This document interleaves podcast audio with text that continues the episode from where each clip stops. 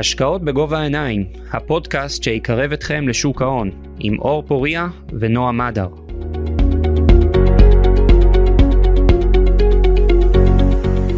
טוב, אחר הצהריים טובים, אנחנו בפרק חדש של הפודקאסט שלנו, השקעות בגובה העיניים. אה, לצידי כרגיל, נועה מדר, מה שלומך נועה? אהלן אור, מה המצב? מצוין, אנחנו שמחים היום לארח את uh, מנהל מחלקת המחקר uh, במיטב ברוקראז', אלעד קראוס, מה שלומך? מצוין, צהריים טובים. תודה שהצטרפת אלינו. תודה שהזמנתם אותי. בשמחה רבה. אז אה, באמת אור, לפני ש... סליחה. אז באמת אלעד, לפני שנתחיל, בוא תספר לנו על עצמך ככה שהקהל יכיר אותך קצת. טוב, אני אלעד קראוס, אני כרגע מנהל את המחקר במיטב ברוקראז'. בעברי יש לי, היו לי מספר תפקידים בשוק ההון. אה, במחלקות ה-buy side, במחלקות ה-sell side, באקסלנס, בעמיתים, בלידר, בכל מיני מקומות. אה, לפני הרבה מאוד שנים התחלתי בבית השקעות אה, שנקרא גאון, ומאז עברתי כל מיני תפקידים, עד שכעת אני נמצא בתפקיד הזה. כמה זמן בתפקיד? אני בתפקיד כשנה וחצי. כמה זמן במיטב? זה הזמן שאני נמצא במיטב. הגעתי למיטב בדיוק לתפקיד הזה. אנחנו מכירים שהיית באקסלנס, עברת נכון. לעמיתים, אחרי זה אקסלנס. נכון, נכון. עכשיו באמת ציינת sell side, buy side, אולי תן כמה מילים שהקהל יבין מה המשמעות. כן, אז, אז יש בעצם הבחנה מאוד מאוד ברורה בין שני סוגי אנליסטים שיש לנו בשוק ההון. הסוג הראשון זה אנליסטים שהם buy side, שכל מטרתם זה לשפר למעשה את התשואות של הבית. אם למשל יש מחלקת מחקר למיטב, היא נותנת את השירות לתוך הבית, לתוך מיטב, לקופות הגמל, לקרנות הנאמנות, לניהול התיקים של מיטב. המטרה שלהם זה בעצם לתת שמיטב תעשה תשואה יותר גבוהה מאשר המתחרים שלה. זה ה-buy side. בצד השני, יש לנו אנליסטים שהם sell side. בדרך כלל עובדים עם מחלקות הברוקראז' והסקירות שלהם מתפרסמות החוצה. אה, לכל הלקוחות שלנו, שזה גם מיטב, אבל גם מגדל, מנורה, הפניקס, כלל, חברות הביטוח, קרנות הגידור, ולמעשה כל הלקוחות שיש לנו כרגע, הלקוחות הכשירים. אנחנו נותנים להם את ההמלצות שלנו, אה, ובעצם הם שוכרים דרך הברוקראז' שאנחנו עובדים בו. כשאתה אומר לקוחות כשירים, לא רק מדובר על לקוחות של אה, מעל 12 מיליון שקל, אלא כן, גם כן, בתי השקעות. מדובר על, רק על הגופים הגדולים ביותר, שמנהלים את המיליארדים, את כל קרנות הפנסיה וקרנות ההשתלמות הגדולות. להם אנחנו בעצם נותנים את השירות הזה. והם אה, עובדים איתנו אה, דרך חדר המסחר שלנו. כלומר, כל הקרנות גידור למיניהם וכו'. אולי מעניין, נכנסתם כבר ל-buy side, sell side, אולי, אולי מעניין יהיה להסביר לצופים שלנו, בעצם, ששאלו אותי פעם, תגיד, מה ההבדל בין מחלקות מחקר למחלקת השקעות, למנהל השקעות ראשי, זאת אומרת, איך זה בנוי, כל ההיררכיה הזאת? אז למעשה, הבסיס, איך שאני רואה את זה כרגע, זה האנליזה. האנליזה למעשה, תפקיד האנליסט זה לקחת את הדוח הכספי של החברה, לקרוא כמובן את כל הדוח מההתחלה כמעט עד הסוף, לדבר עם החברה ולתת איזושהי מסקנה מאוד מאוד ברורה לגבי המניה, האם כדאי לקנות אותה או למכור אותה. על בסיס ניתוח שהוא עושה לדוחות הכספיים, אני מניח, ש... מניח שנדבר על זה בהמשך הראיון, אבל העניין הוא לקחת את המספרים האלה, לשים את זה אצלו באקסל, לדבר עם החברה, לדבר עם הלקוחות, לדבר עם הספקים, לדבר עם המתחרים, לבנות את הפאזל המורכב הזה, שנקרא ניתוח של חברה, את הפאזל המורכב הזה, להגיש אותו למנהל ההשקעות, להגיד, אני חושב שמניית ככה וככה היא כרגע בהמלצת קנייה, או בהמלצת מכירה, או בהמלצת משקל שוק. מנהל ההשקעות מקבל למעשה את האנליזה של אותו אנליסט, ומקבל את ההחלטה על בסיס פרמטרים נוספים, על בסיס שיקולי אלוקציה, שיקולים שהוא רואה לנגד עיניו אחרים, ומנהל ההשקעות הראשי שנמצא באותו ארגון, הוא נמצא ומשקיף מעל ונותן אלוקציה כללית לכולם. אז איפה שאני רואה את זה, אז אנליסט למעשה נותן את המידע, לוקח את המידע הגולמי, הופך אותו למידע הרבה יותר ברור וקריב ונגיש, ונותן המלצה ברורה. זה למעשה גם התפקיד שלנו במחלקת המחקר של מיטב ברוקראז'. איך שמתפרסם דוח, כל דוח שמתפרסם, כמובן כל דוחות, כל רבעון מתפרסמות, הדוחות יוצאים החוצה, אנחנו ישר קופצים על הדוח, קוראים את הדוח, מקשיבים לשיחת הוועידה, מרימים טלפון לחברה, מסתכלים על המצגת שהחברה מפרסמת, ועל בסיס זה אנחנו כותבים ניתוח של הדוחות, של הדוח של החברה, מפרסמים אותו, ואנחנו נותנים את ההמלצה שלנו ללקוחות שלנו. כמה חבר'ה יש במחלקת מחקר כזו? אז יש לנו כרגע שני אנליסטים, אה, ואותי. אנחנו מסקרים תחומים מגוונים, קמעונאות, נדל"ן, תשתיות, אנרגיה, גם חברות החזקה למיניהם, אנחנו בונים מודלים ונותנים את התובנות שלנו לגבי הסקטורים האלה, אה, וגם יש לנו מקרים אד הוק לצורך אה, לקוחות מסוימים, אם אנחנו, שאנחנו יכולים לעשות להם גם כן ניתוח על פי דרישה של הלקוח שלו. כמה זמן לוקח לנתח דוח כזה? אני מניח שביום בעונת הדוחות יש לך 20 דוחות. נכון. אתה עובר שני אנליסטים, כל אחד עשרה דוחות. אה, תראה, אתה מתפרץ פה לדלת, לדלת פתוחה. אני ככה אנצל את השאלה המצוינת הזאת, ואני אומר לך שבעיניי יש פה עיוות לא נורמלי בהקשר של יציאה של דוחות כספיים. זאת נגעת בנקודה מאוד מאוד נכונה. העובדה שבשוק המקומי שלנו, כמעט כל לא הדוחות, פרוס. כמעט כל הדוחות מתרכזים בשבוע, שבועיים האחרונים, בעיניי זו תקלה איומה. תקלה גם משמעותית. החברות- גם החברות לא מודיעות מתי הם יוציאו, רוב החברות. אה, יש חברות, אני חושב שהחברות הגדולות כן מדווחות על זה, וזה נכון, וזה טוב, וזה צריך, אבל... יש גם חברות שמדווחות בלילה, באישון לילה. כן, אה, זה- זה- זה מה שמדבר, ביום האחרון יש לך את החברות שמשחילות את הדוח. חמישי בשמונה בערב. כן, 12. כלל ברזל, אם אתה רוצה שהדוח שלך, אם יש לך דוח גרוע, לך ליום חמישי בערב, אחרי שאין עיתונים, אין כלום, אין אנליסטים, פרסם את זה בסוף, בסוף, בסוף. כן. אבל בכל מקרה, זו נקודה מאוד מאוד חשובה. אם אני צריך לתת עצה לחברה, תפרסמו את הדוח כמה שיותר מוקדם. חברה שמפרסמת יותר מוקדם, מקבלת הרבה יותר מקום, הרבה יותר זמן להסתכלות על הדוחות שלה. ובעיניי זה מאוד מאוד חשוב. מי שמפרסם בסוף, זה יותר בעייתי. עכשיו, אני מבין את האילוצים, אני כמובן מדבר, את כל מה שאני אומר גם פה, אני גם אומר לחברות, בואו תפרסמו קודם. אני מבין את זה שיש כל מיני אילוצים לכל מיני חברות. יש לך הרבה חברות שיש להן חברת סאבסידריז. החזקות. אז ח- היא צריכה חברת החזקות, להמתין. נכון, נכון, חברות החזקות, צריכה לחכות שזאת תפרסם וזאת תפרסם וזאת תפרסם, ורק בסוף היא יכולה. אז אני מבין את המצבים האלה, אבל עם זאת אני חושב שאם אה, בארצות הברית אה, אפשר לפרסם יותר מוקדם ובצורה הרבה יותר רחבה, גם פה בישראל, אני קורא את הקריאה הזאת, לפרסם בצורה מאוד מאוד רחבה את הדוחות הכספיים, ולתת מקום לדוח, לכל דוח להסתכל עליו. זאת אומרת, החבר'ה חודשיים נחיים, וחודש אחד קוראים את התחת. בארץ כן, בארצות הברית זה, זה האמת שזה על כל. הרבעון, ממש אין, אין שבוע שאין בו דוחות. יש אה, שבועות עם כזה דוחות זניחים, אבל uh, תמיד יש לך... איכשהו, אבל בארצות הברית החברות המרכזיות והמעניינות מתרכזות תמיד לאותו שבוע. נכון. ו- יש תמיד איזה יום שאפל, כן. גוגל ו- ואינטל, ב- כן. כאילו, זה- זה היום- אחד- גם היום השבוע יש. הזה, אגב. היום יש כן, מייקרוסופט, בדיוק. מחר היום אה, מייקרוסופט. מטא, אם אני היום, זוכר. אה, יום מאוד מאוד מאוד חשוב. כן. אגב, אם אנחנו כבר פותחים את הנושא הזה, אז אני אה, אה, אכנס במלוא הדלת ואני אומר את הדבר הבא. גם כשחברה מפרסמת דוח, יש משמעות לדברים שהם מסביב לדוח. זאת אומרת, יש לך חברות, אני יכול לדבר על זה במשך שעות, אבל אני אתן דוגמה קצרצרה כדי, ל... כי אה, זמננו פה קצר. אני אתן דוגמה לחברה שבעיניי ההתנהלות השקיפותית שלה היא ברמה הכי גבוהה, ובעיניי כל חברה צריכה להתנהג בצורה שהחברה הזאת מתנהגת. אלון נחץ. חברת אלוני חץ. לא סתם הוא אמר. כן. נועה מכיר ויודע בדיוק. אלוני חץ, אני לא מדבר עכשיו על מספרים ומה שהיא עושה, אני מדבר על רמת שקיפות הכי גבוהה שיש. כל דוח יש מצגת מפורטת, שיחת ועידה מפורטת.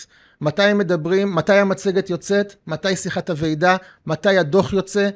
הם שקופים, הם ברורים, הם עונים, הם זמינים.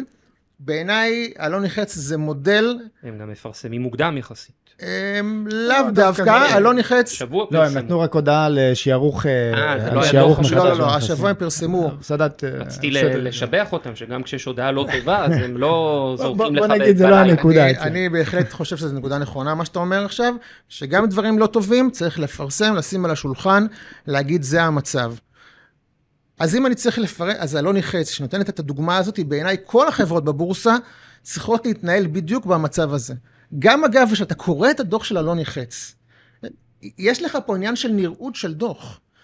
כלומר, כולנו פה בסופו של דבר, הרבה משוק ההון למד כלכלה, חשבונות, מלל, זה כן. קצת קשה לאנשים, פחות אוהבים לראות במשפטים. מספרים, אוהבים לראות טבלאות, אוהבים לראות דברים. נכון. אז אלוני חץ נותנת לך הכל, מגישה לך את הדוח בצורה ברורה, קריאה, נכונה, עם הרבה מאוד שקיפות, אז אה, שאפו להם, ואני מקווה שכולם ילכו בדרך שלהם. אגב, אתה יודע אני בטוח שאתה יודע, אבל ברבעון הקודם, כלומר דוח רבעון אחד במצגת, הם אפילו עשו נב לעצמם. עכשיו, אתה יודע, ברור שנב זה גמיש, ואפשר כל אחד אה, לשערך את החברות הפרטיות לפי מה שהוא רוצה, אבל עדיין, אה, חברה שממש נותנת הערכת שווי, אמנם פשוטה יחסית שאנחנו מדברים על נב, אז הערכת שווי במצגת זה כבר level חדש. כן, הם עושים את זה כבר כמה רבעונים, ואני חושב שזה גם כן מאוד מאוד נכון. אז באמת, אה, אז יצ... בוא נגיד, אה, דיברנו על הנושא הזה שיוצא דוח, אמרת לקרוא את כולו. זה עכשיו נגיד מישהו רוצה להתחיל אה, להתעסק בניהול ניהול השקעות לעצמו, אוקיי, לא רישיון.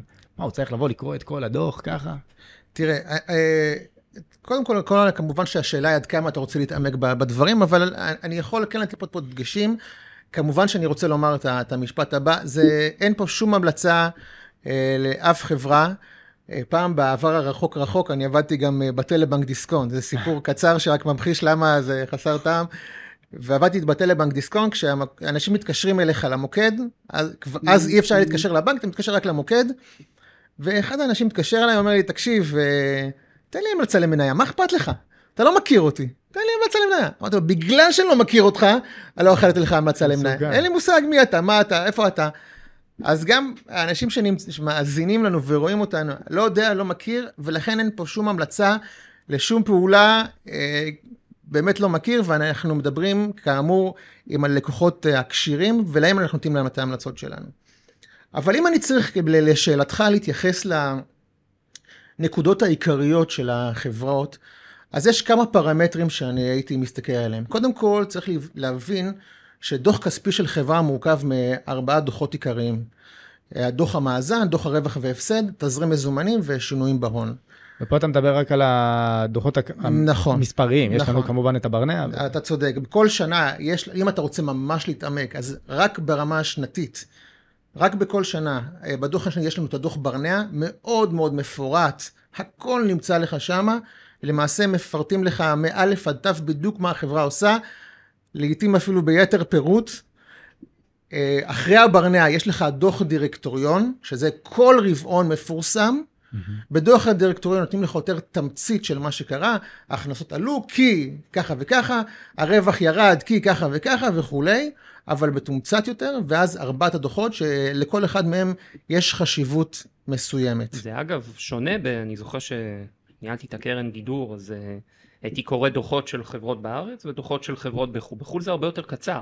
זאת אומרת, אתה קורא פה מגילות של עשרות ומאות עמודים. אתה קורא, בארצות הברית יש את הנושא של הודעה לתקשורת, שהם מוצאים לך ממש תמצית. בארצות הברית יכול לקרוא דוח 8-10 עמודים. כי זה לא הדוח המלא, אין את הנושא של פירוט ומלל, זה מוצאים לך הודעה לתקשורת, שהיא עיקר, ה, עיקר הכספ, הכספי, מה שקרה, וכל השינויים הם מספרים. פחות יש לך את כל הסיפור, ונכנסים לנושא של מקרו-כלכלה והתחרות, כל הדברים האלה. זה, אתה צריך לגשת לדוח המלא של החברה. בארץ אני לא מכיר שהם מוציאים משהו כזה, יותר דומה למצגת. נכון, בארץ למעשה הדוח המשמעותי זה הדוח הברנע ברמה השנתית, ודוח הדירקטוריון נותן לך גם אינדיקציה. ובהקשר הזה, גם אני חושב, להערכתי, שצריך גם להיכנס גם למצגות של החברה. מצגת של חברה לפעמים מספרת סיפור מאוד מאוד מעניין, גם מבחינת הנגישות למידע, שהם כבר נותנים לך את המידע לעוס וברור, וגם מבחינת פרמטרים שלפעמים מופיעים במצגת ולא תמיד נמצאים בדוח הכספי. מה החברה רוצה להסתיר בעצם? לא יודע אם להסתיר זה לא נכון, כי בכל מקרה היא חייבת לתת את כל המידע, אבל היא מציגה את זה באותיות קידוש לבנה ואת הדברים הברורים. כן, תראה, אני, אני לא ראיתי במצגת נתון ש, שהחברה לא מתגאה בו. כן. כן. זה... משום מה במצגות תמיד אתה רואה גרפים עולים. זה איכשהו... תמיד, כן, מדהים. חבל שאנחנו לא חיים במצגות. כן, נחמד, זה ואקסלים. אז, אז כן. אם אני חוזר לשאלה שלך, אז יש מספר הפרמטרים שאני הייתי מסתכל עליהם. תראו, ב- ב- כמשפט מפתח, אה, אותנו כאנליסטים מעניין לראות את ה... כמה... את... מזומן. אנחנו רוצים לראות בעיקר מזומן, בטח בחברות הערך... אולי פחות בצמיחה, אנחנו בצמיחה פחות מרפאת מזומן, אבל בחברות הגדולות המבוססות שאנחנו מסתכלים עליהן, מסתכלים עליהן, אנחנו אוהבים לראות מזומן. אנחנו אוהבים לראות שהרווח למניה עולה בלי גידול במינוף. אוקיי? ואני רוצה להסביר את המשפט, את המשפט הזה. קודם כל, רווח למניה זה הנתון החשוב, ולא דווקא רווח. כי אני בסופו של דבר רוצה לראות כמה אני מרוויח פר מניה שיש לי. אם חברה עכשיו עשתה הנפקת מניות כדי לקנות איזה בניין, אז ברור שהרווח של החברה עלה, כי היא קנתה בניין ועכשיו הרווח שלה עלה. אבל דוללתי. אבל דוללתי. לכן מה שחשוב לי לדעת כמחזיק מניה זה רווח למניה, לא רווח סך הכל. והדבר, הפרמטר השני הוא רווח למניה בלי להגדיל את המינוף. למה?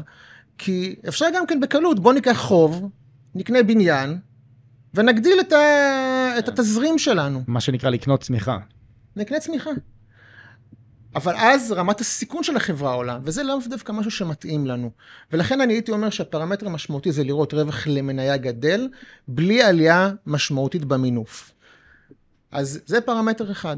דבר נוסף שאני רוצה לראות בחברה, או כשאני בוחן חברות בכלל באופן כללי, זה רמת הנראות והשקיפות לשנים הקרובות. אגב, אתה יכול לציין אולי חברה 2, כמובן בלי המלצה, שאנחנו יכולים לראות את זה אצלה באופן אה, די בולט או די חוזר על עצמו, שהיא יודעת להגדיל את, ה, את הרווחיות שלה למניה, בלי באמת להתמנף או בלי אה, משהו...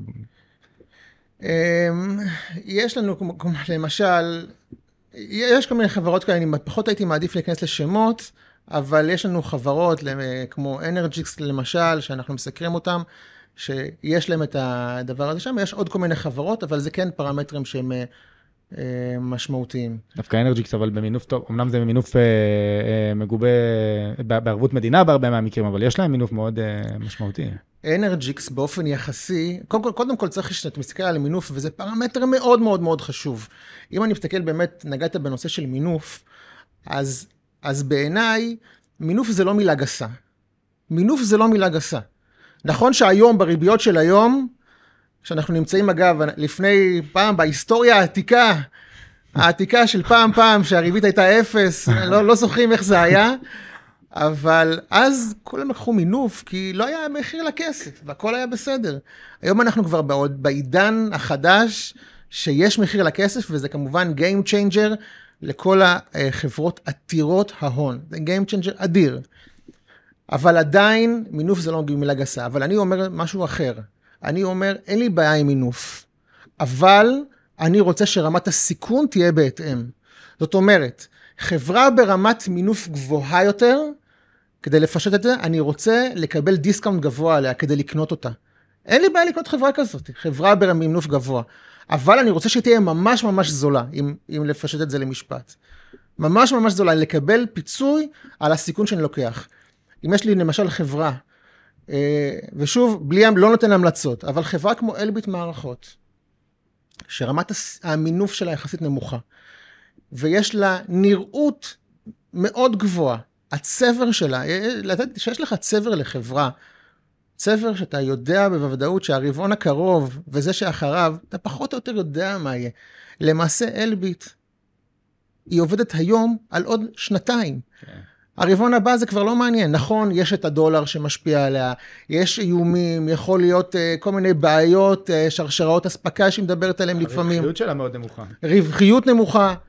יש, אני לא, לא אומר שלא, אבל כשיש לך נראות ושיש לך מינוף נמוך, אז אתה בעולם אחר, לעומת חברה בלי נראות, חברה פרויקטלית למשל, שאתה לא יודע שמחר בבוקר אתה כל בוקר צריך לקום עם הסכין בין השיניים ולחפש עסקאות חדשות ולהגדיל את הצבר, ואם המינוף גבוה, זה עולם אחר.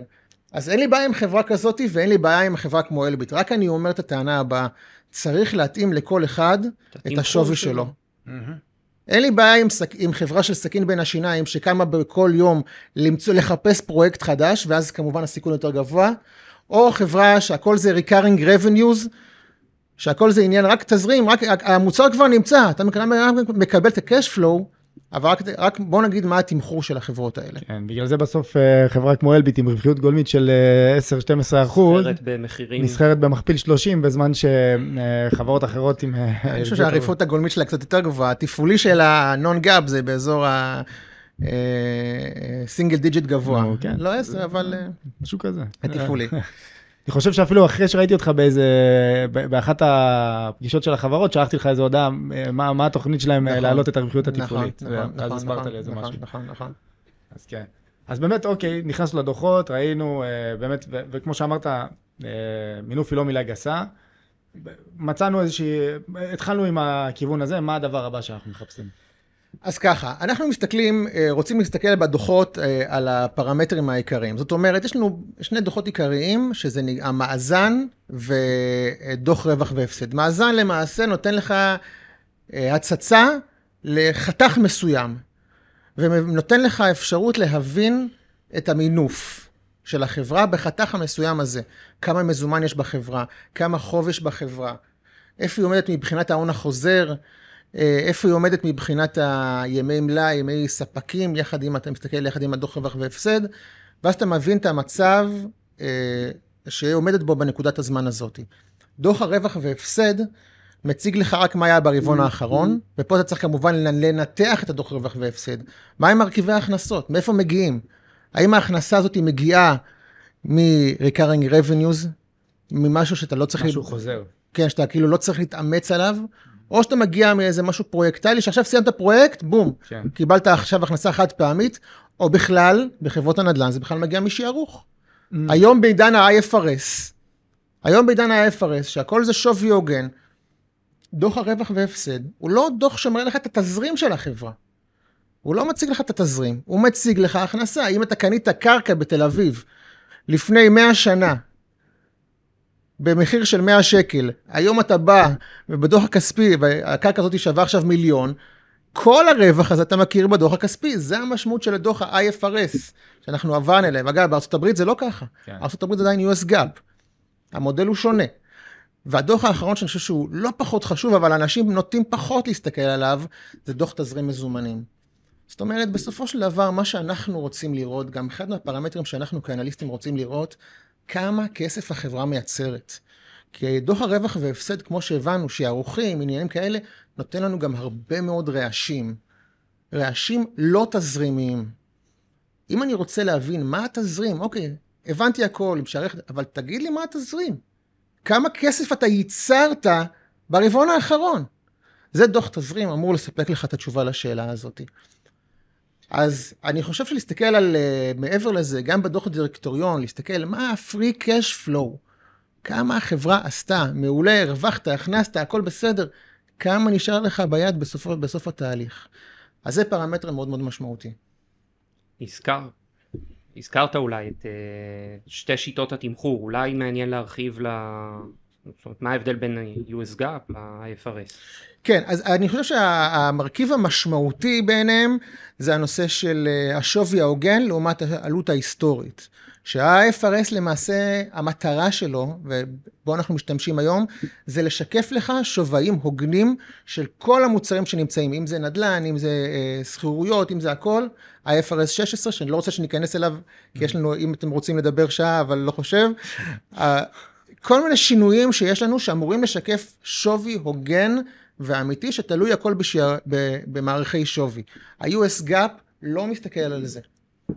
לא מסתכל על זה. ה-US GAAP מסתכל על מה שאתה קנית, ובזה הוא מסתכל. יש לך אגב... אם אנחנו רוצים לשקלל הון עצמי, ה-IFRS ייתן לנו מענה הרבה יותר טוב. נכון, אם אתה, בדיוק. אם אתה רוצה לבחון התפתחות ברבעון האחרון, אז אני אסתכל דווקא על non-GAAP, כי, כי כמו שאתה אומר, השינויים בהון יכולים להיות לא מהותיים לרבעון האחרון ספציפי. אם אתה רוצה להסתכל על המרכיבים ברבעון האחרון ולראות מה קרה בפועל, אתה צריך להסתכל בחברות הנדל"ן למשל, להסתכל בדוח הכספי, אבל לא פחות מזה, להסתכל בדוח הדירקטוריון. בואו נפתח איזה צוהר קטן.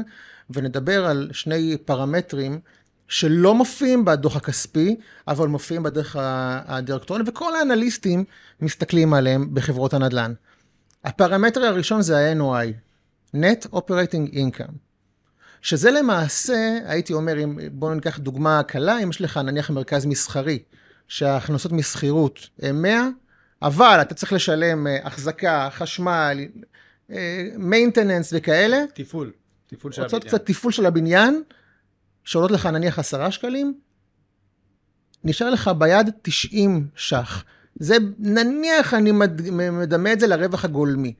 זה ה-NOI, מרכיב סופר חשוב שנותן לך הבנה של כמה המרכז הזה מייצר נטו. Mm-hmm. אחרי ה-NOI, שזה הרווח, ה, ה, ה, הרווח הגולמי, נניח הגולמי כדי לפשט, יש לנו עוד הוצאות, שההוצאה המשמעותית מתוכם זה המימון. המימון זה המרכיב המשמעותי ביותר, כל חברות הנדל"ן הן עתירות הון, וכמובן שהיום, בתקופה הזאת שההון הוא יקר, כמובן לא טוב עבורן, כי זה, להתממן זה יקר. אחרי זה יש לנו את ההוצאות הנהלה של החברה עצמה, של מנכ"לים, סמנכ"לים וזה, ויש לנו גם הוצאות מס. ואני לא רוצה להיכנס לזה, אבל גם מס, חברות נדל"ן שמתנהלות בצורה נכונה מבחינת מיסוי, אמורות לשלם יחסית מעט מאוד, כי הוצאות המימון הן מוכרות לצורך מס, לא ניכנס לזה. אבל אחרי זה, השורה התחתונה, זה עוד נתון מפתח בחברות הנדל"ן, שנקרא FFO. ממליץ לכולם בדירקטוריון, FFO, כמובן, כאמור, לא נתון חשבונאי, אה, Funds from Operation. למעשה, התזרים שהחברה מייצרת ברבעון. בניכוי חד פעמי, אבל. אין לך חד פעמי. כן. מה זה חד... כן. או בניכוי הכנסות חד פעמיות כלשהן. למשל, שיערוך, כן. לא נמצא שם. אני רוצה לדבר תזרים, אני רוצה לדבר כסף, זה ה-FFO.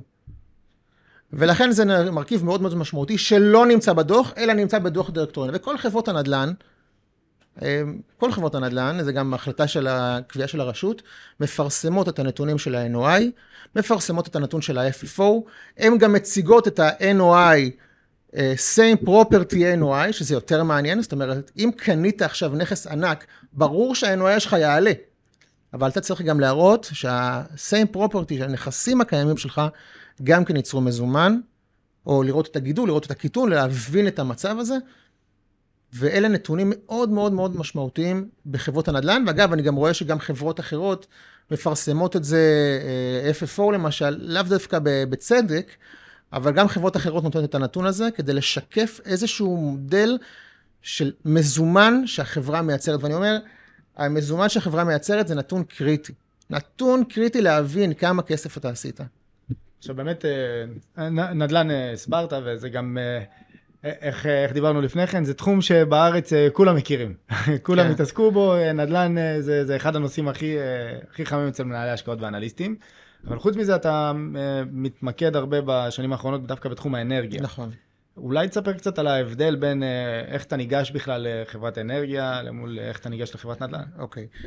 אז למעשה יש לנו כמה סוגים של חברות אנרגיה פה בישראל. אני חושב שישראל זה כר פורה, יש לנו לא מעט חברות מובילות אפילו ברמה, לא ברמה עולמית זה קצת מוגזם, אבל הן מאוד מאוד גדולות, כמו Enlight ו-Energix, Enlight שהנפיקה עכשיו בחו"ל, זה היה באמת מדהים לראות את זה.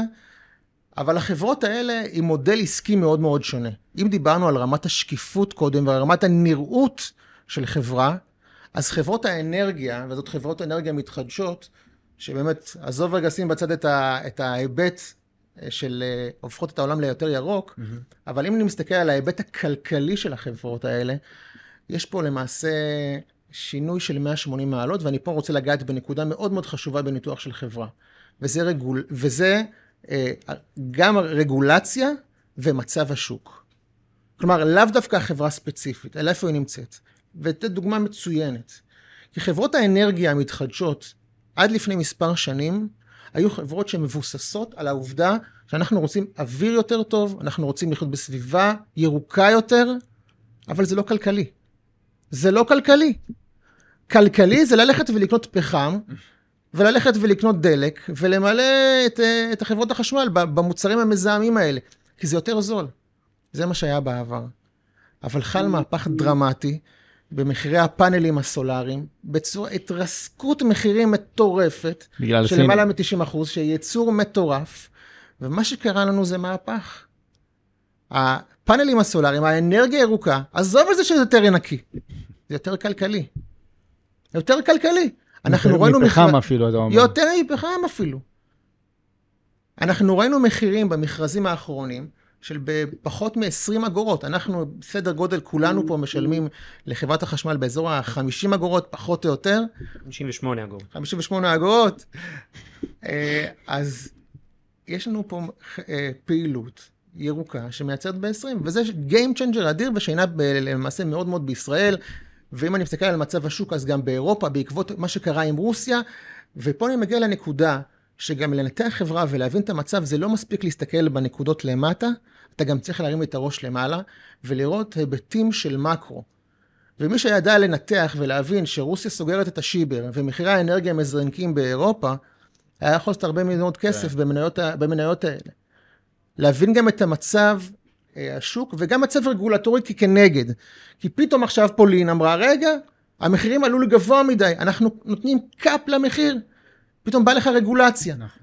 אז רגולציה זה, זה משהו שאתה חייב להבין, לנתח, אה, גם בישראל, גם בחו"ל, שאתה בא לראות את החברה. כן, זו, זו דוגמה ספציפית לאנרג'יקס, מה שאמרת, שפולין נכון. הגבילו להם את המחיר של, ה, של האנרגיה. עכשיו, אה, עוד, עוד נקודה לגבי החברות האלה. אם דיברנו קודם על השקיפות והנראות. אין הרבה חברות בשוק המקומי שיודעות להגיד לך, אני נותנת לך תחזית ל-2025.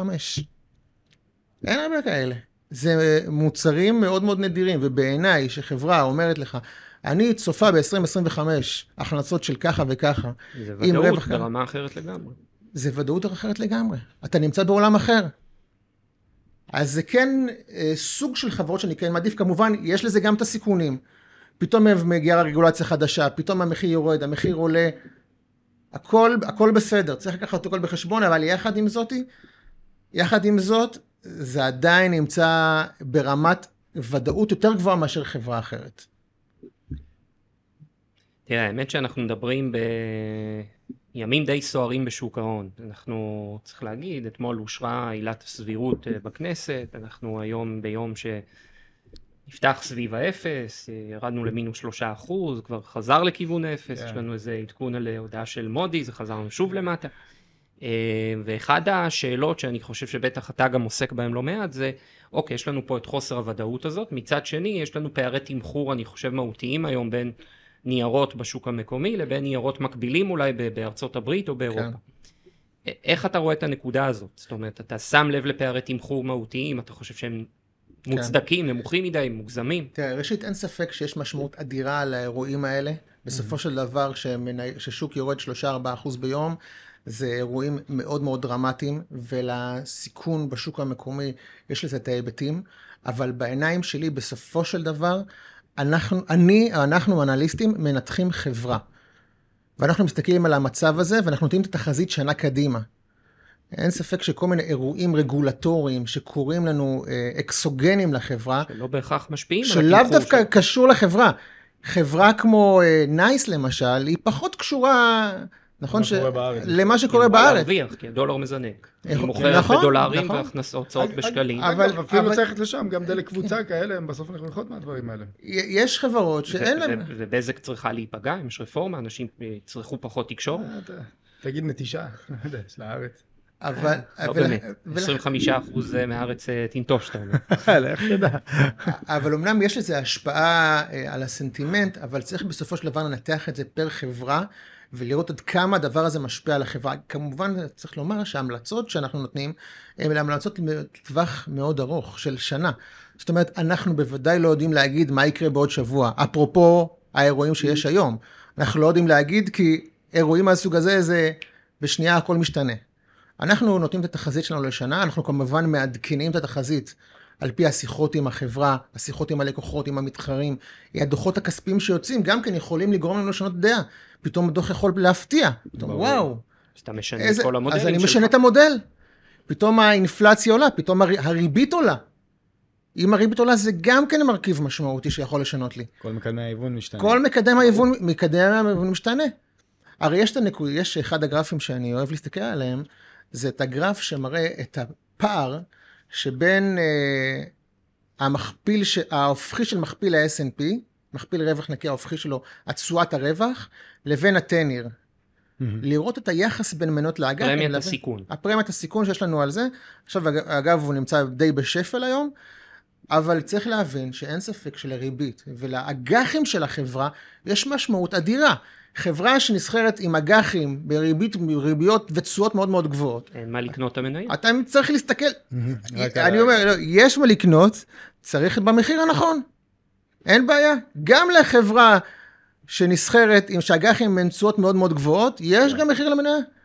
אבל לנתח את המצב, להבין שיש פה בעיה, להדליק את כל הנורות האדומות ולהגיד, אוקיי, האם אני חושב שהחברה משרתת את החוב או לא משרתת את החוב? ואיך היא עושה את זה? אני חושב שאנחנו ראינו דוגמאות לאחרונה, לא מזמן הייתה כתבה נניח על GCT, שפתאום האג"חים שלה, ראיתי שהאג"חים שלה זינקו מהשפל בערך ב-100%. Mm-hmm. אז צריך לנתח את החברות. אגב, אנחנו גם, כמובן, שמי שמנתח חברה, הוא לא יכול להתעלם מהנושא של האג"חים. הוא לא יכול להתעלם מהנושא של החוב. אי אפשר לנתק אחד מהשני. ובעצם החוב זה פרמטר של המקדם היוון שאתה תציב, לא? הפרמטר זה גם, זה גם הפרמטרים, אבל זה יותר מזה.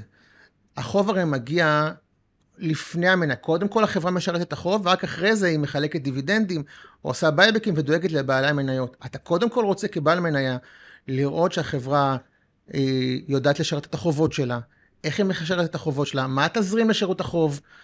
ורק אחרי זה אתה יכול לבוא ולקנות את, את המניה, ונותן לה שוב את התמחיר, את התמחור שאתה חושב שמתאים לה. עכשיו, אה, דבר מעניין שדיברנו, אה, תראה, בסוף הסוגיה כרגע בשוק בארץ היא מאוד מורכבת.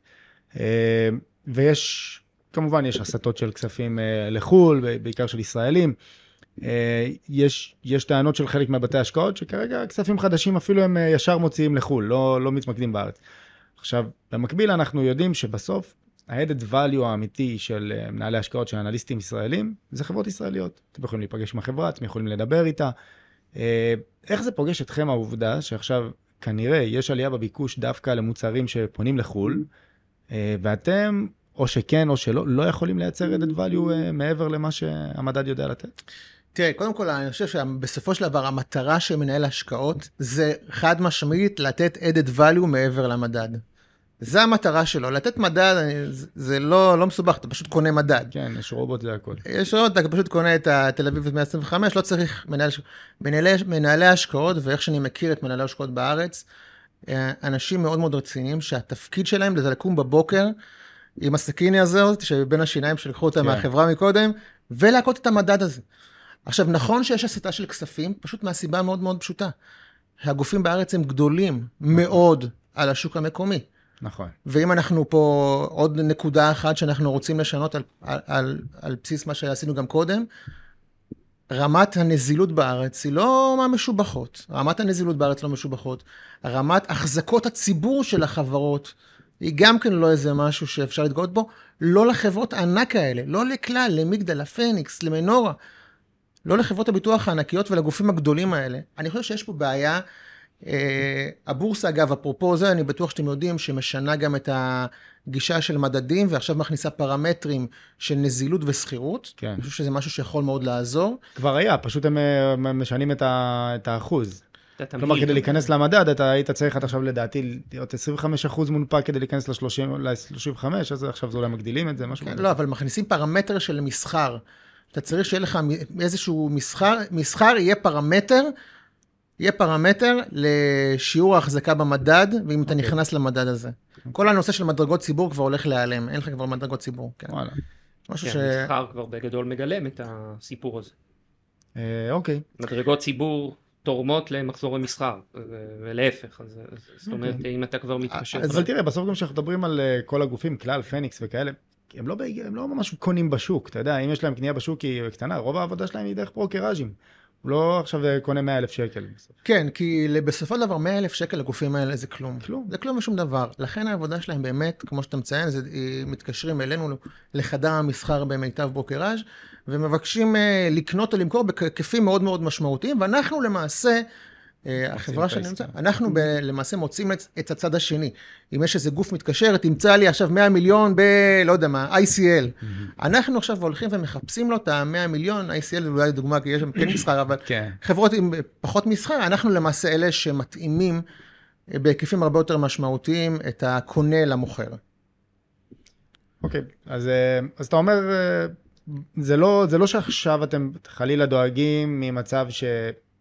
תקום בבוקר ואין מה לנתח. זה לא...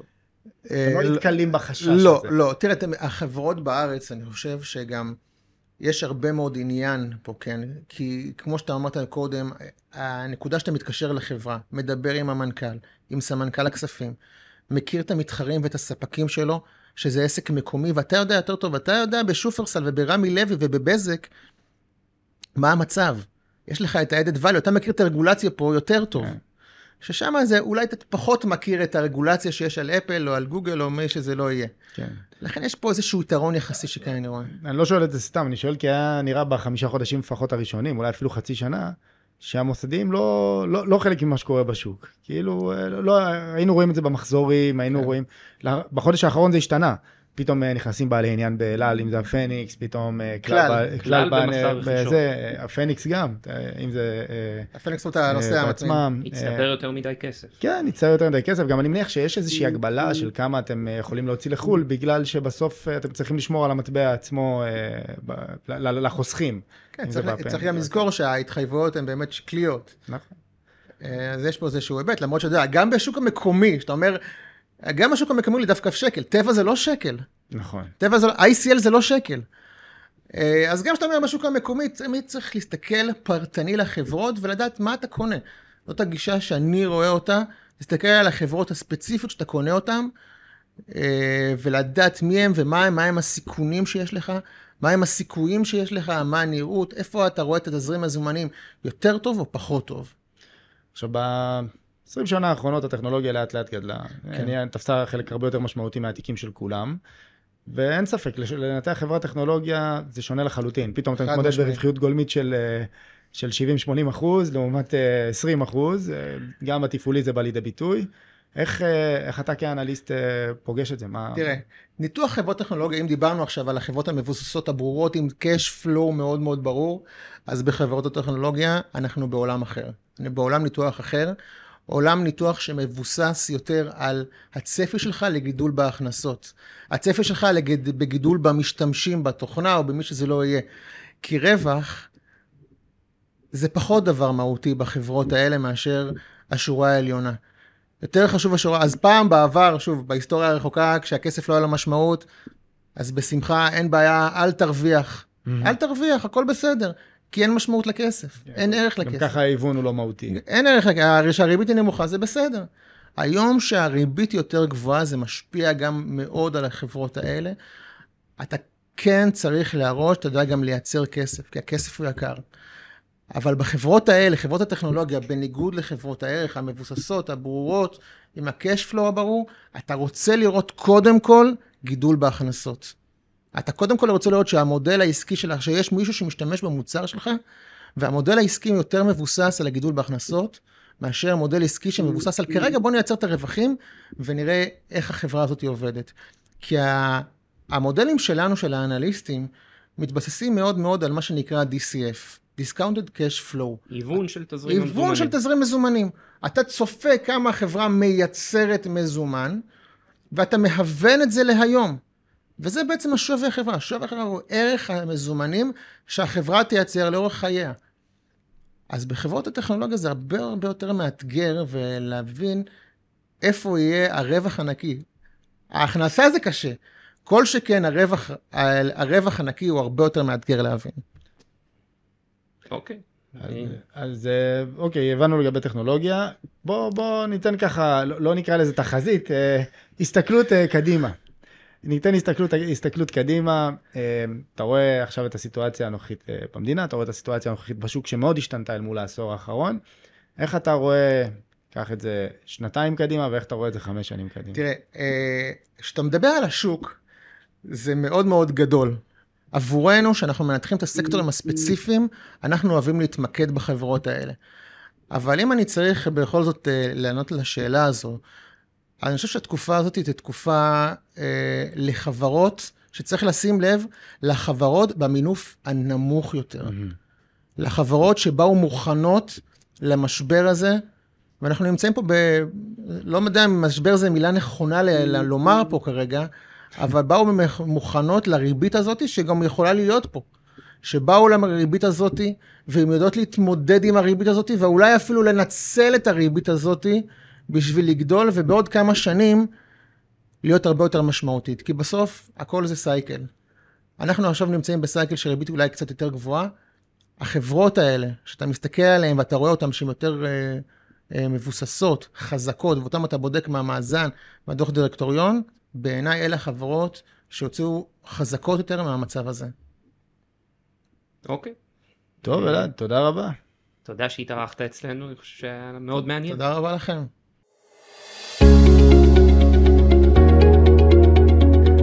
תודה שהייתם איתנו. תוכלו להאזין לנו בפלטפורמות הפודקאסט הנבחרות, אפל, ספוטיפיי וגוגל.